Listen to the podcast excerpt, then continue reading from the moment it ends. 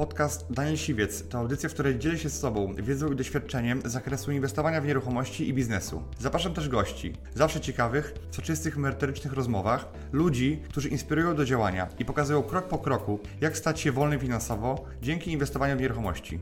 Posłuchaj ich historii, zastosuj modele działania, wykorzystuj narzędzia i uzyskuj podobne rezultaty.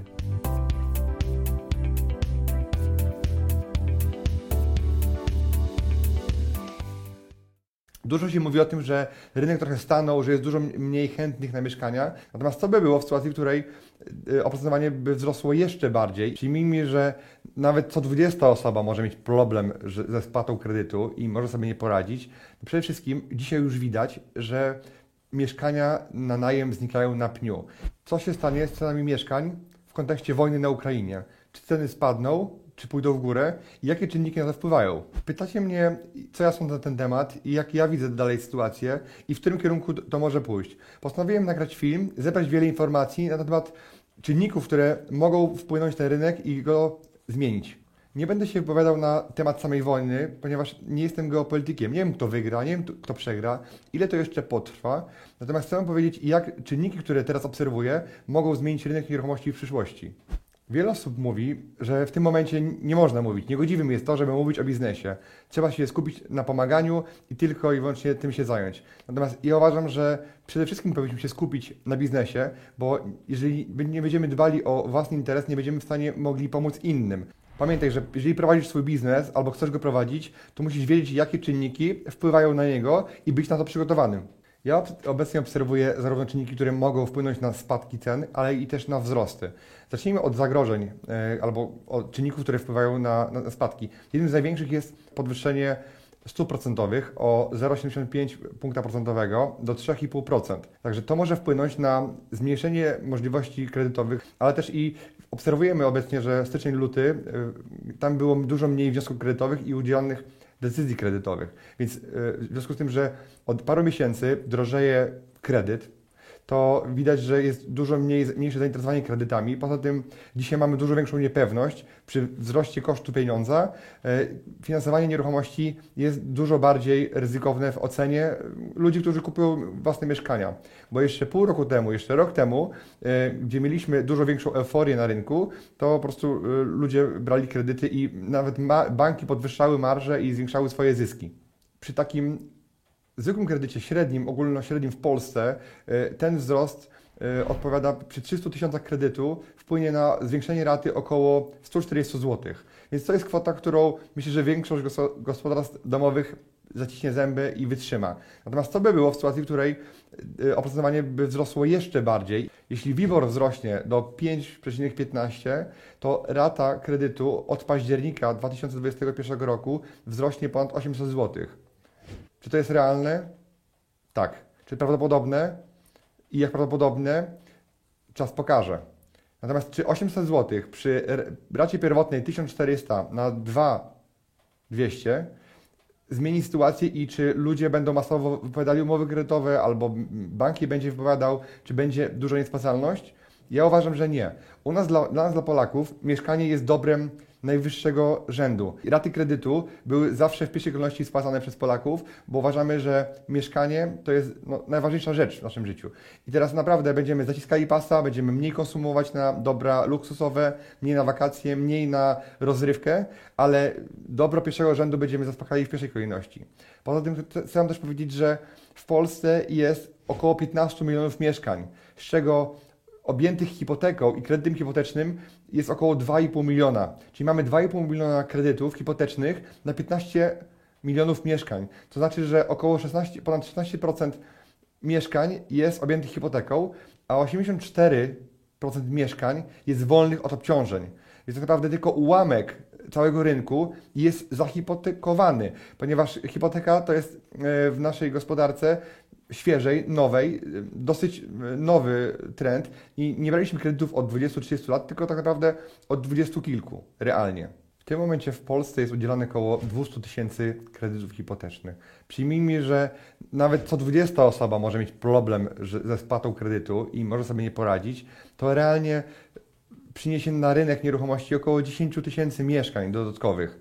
Pytanie, czy to dużo? Moim zdaniem na tyle niewiele, że by wpłynęło mocno na rynek nieruchomości. Popatrzmy na frankowiczów. Problemy z frankami, że raty rosły razy dwa, zmieniły rynek, czy wysypała się nagle fala nieruchomości do zakupu od frankowiczów? Nie. Czy COVID miał zmienić rynek nieruchomości? Miał zmienić rynek nieruchomości, natomiast zmienił go mm, tak, że ceny jeszcze bardziej urosły. Kolejnym bardzo ważnym czynnikiem, którego nie da się nie zauważyć, jest napływ uchodźców z Ukrainy. I teraz jak to może wpłynąć na, na rynek nieruchomości? Przede wszystkim dzisiaj już widać, że mieszkania na najem znikają na pniu. I sam do mnie dzwonił cię kolega, inny deweloper, który pytał mnie, prosił mnie, czy mam jakieś wolne mieszkania, bo po prostu mieszkań brakuje dla jego znajomych, dla jego e, kolegów, rodziny. Takiej sytuacji jeszcze nie pamiętam. Przed tą falą uchodźców miałem praktycznie wynajęte wszystkie moje lokale, natomiast w tym momencie zostały same niedobitki. Jak spojrzymy sobie, dzisiaj spojrzałem na portal Oto Dom i zobaczyłem, że jest tylko i wyłącznie 14 tysięcy mieszkań do wynajęcia w całej Polsce. Pytanie, czy wszystkie z tych 14 tysięcy mieszkań są jeszcze aktualne. W ciągu ostatnich dni liczba ogłoszeń na wynajem zmniejszyła się o 25%. Sami najemcy w desperacji licytują się, podbijają cenę, byleby tylko wynająć jakieś mieszkanie.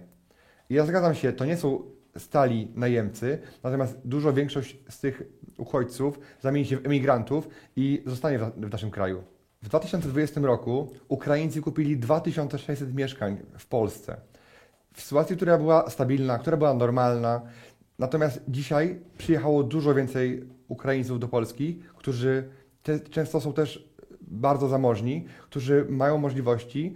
Przyjechali różni ludzie, cały przekrój społeczeństwa. Dlatego e, trzeba też spojrzeć na to, że część z nich zostanie w Polsce, będzie się chciało osiedlić ze względu na, na spójność kulturową, ze względu na odległość od ojczyzny i zostawić tu swoje pieniądze, nie tylko w gospodarce, ale też i w rynku nieruchomości.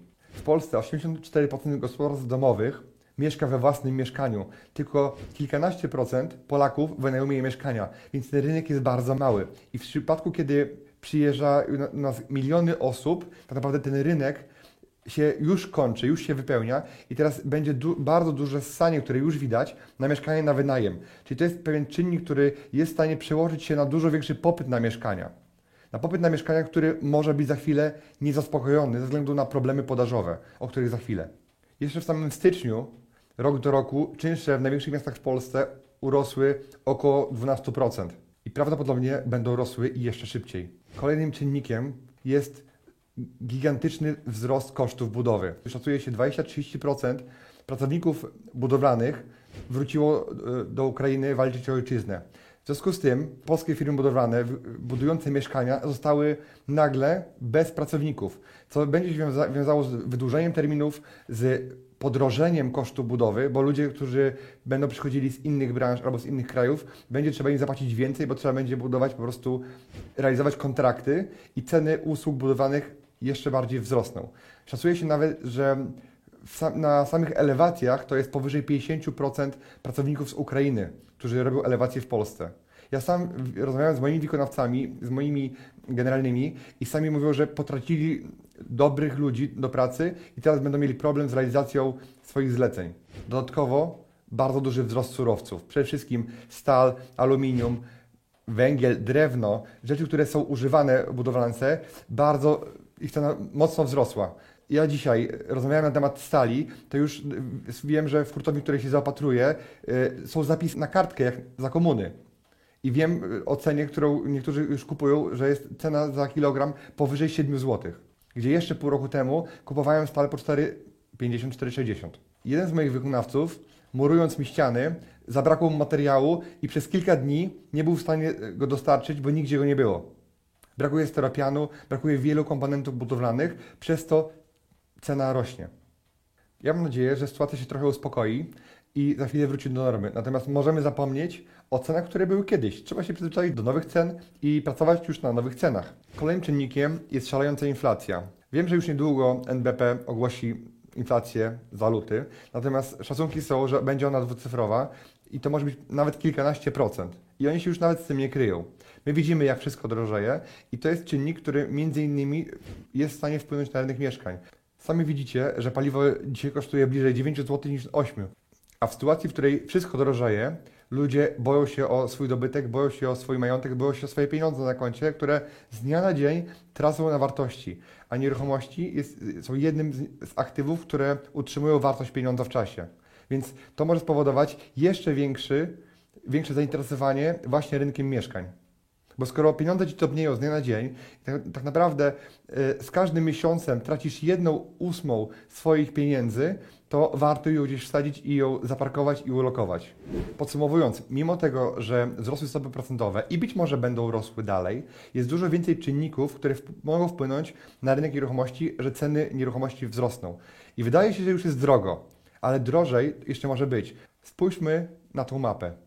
Średni metr kwadratowy w Polsce to jest około 1600 euro, gdzie kraje typu Czechy, Słowacja, Węgry, Chorwacja, czyli kraje o zbliżonych parametrach gospodarki do naszych, mają ceny droższe. No nie pociesza mnie fakt, że w Bośni, w Serbii, Bułgarii czy Rumunii są tylko niższe ceny. Natomiast u nas ceny również dalej są niskie względem, względem Europy. Więc ceny mogą być droższe. Jeżeli spojrzymy na Węgry, to od 2011 roku do 2021 roku w Polsce ceny urosły o 50%. Natomiast na Węgrzech w tym samym okresie ceny urosły o blisko 100%, czyli dwa razy więcej. Więc potencjał do wzrostów mamy jeszcze. I teraz Dużo się mówi o tym, że rynek trochę stanął, że jest dużo mniej chętnych na mieszkania. Faktycznie osoby, które chciały kupować za kredyt, dzisiaj trochę się boją, trochę się wstrzymują, trochę się zastanawiają i ten ruch nie jest już tak duży. Natomiast czy to wpływa na ceny mieszkań? Nie. Ja jestem twórcą aplikacji Inwestorów, która analizuje ceny mieszkań, która wyszukuje okazje dla inwestorów, która przeszukuje wszystkie portale i bada rynek, bada ceny i wyszukuje okazje. I zrobiłem dla Was takie, takie zestawienie, przede wszystkim w dwóch miastach, w Warszawie, gdzie pokazuję Wam ceny mieszkań i zmiany cen mieszkań w styczniu, lutym i marcu tego roku. Mamy 9 marca, natomiast mam dane wybiórcze za marzec, ale one już pokazują, że w samym marcu ludzie wystawiają o 28% więcej niż w lutym. W styczniu był wzrost, w lutym był wzrost, ale też był wzrost w marcu. Mimo tego, że na Ukrainie trwa wojna, ceny ofertowe nieruchomości lekko rosną. Czyli nie widać tu jeszcze żadnego symptomu korekty, bo pierwszy symptom korekty będzie widać dopiero w sytuacji, w której ludzie wystawiają trochę taniej mieszkania. To samo jest w Lublinie. Natomiast w Lublinie mamy jeszcze większe wzrosty, bo mamy między 1 a 3% wzrostu miesiąc do miesiąca. Czy ja to widzę na swoim przykładzie? Nie, to są zbyt małe wzrosty, żeby można było to widzieć. To w perspektywie kilku miesięcy dopiero będzie można zauważyć. Natomiast to są też pobożne życzenia sprzedających. I pamiętajcie, rynek reaguje bardzo wolno. Zmiana stóp procentowych będzie reakcja za 3 albo 6 miesięcy dopiero, dopiero wtedy, kiedy ludzie dostaną wyższe raty.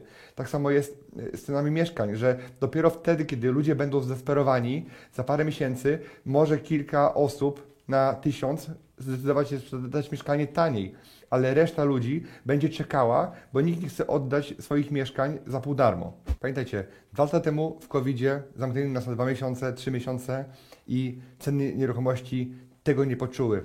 Daliśmy sobie radę jako rynek. Patrząc na to wszystko z loku ptatka, moim zdaniem nominalnie ceny powinny rosnąć. Pytanie, czy nieruchomości będą miały większą wartość?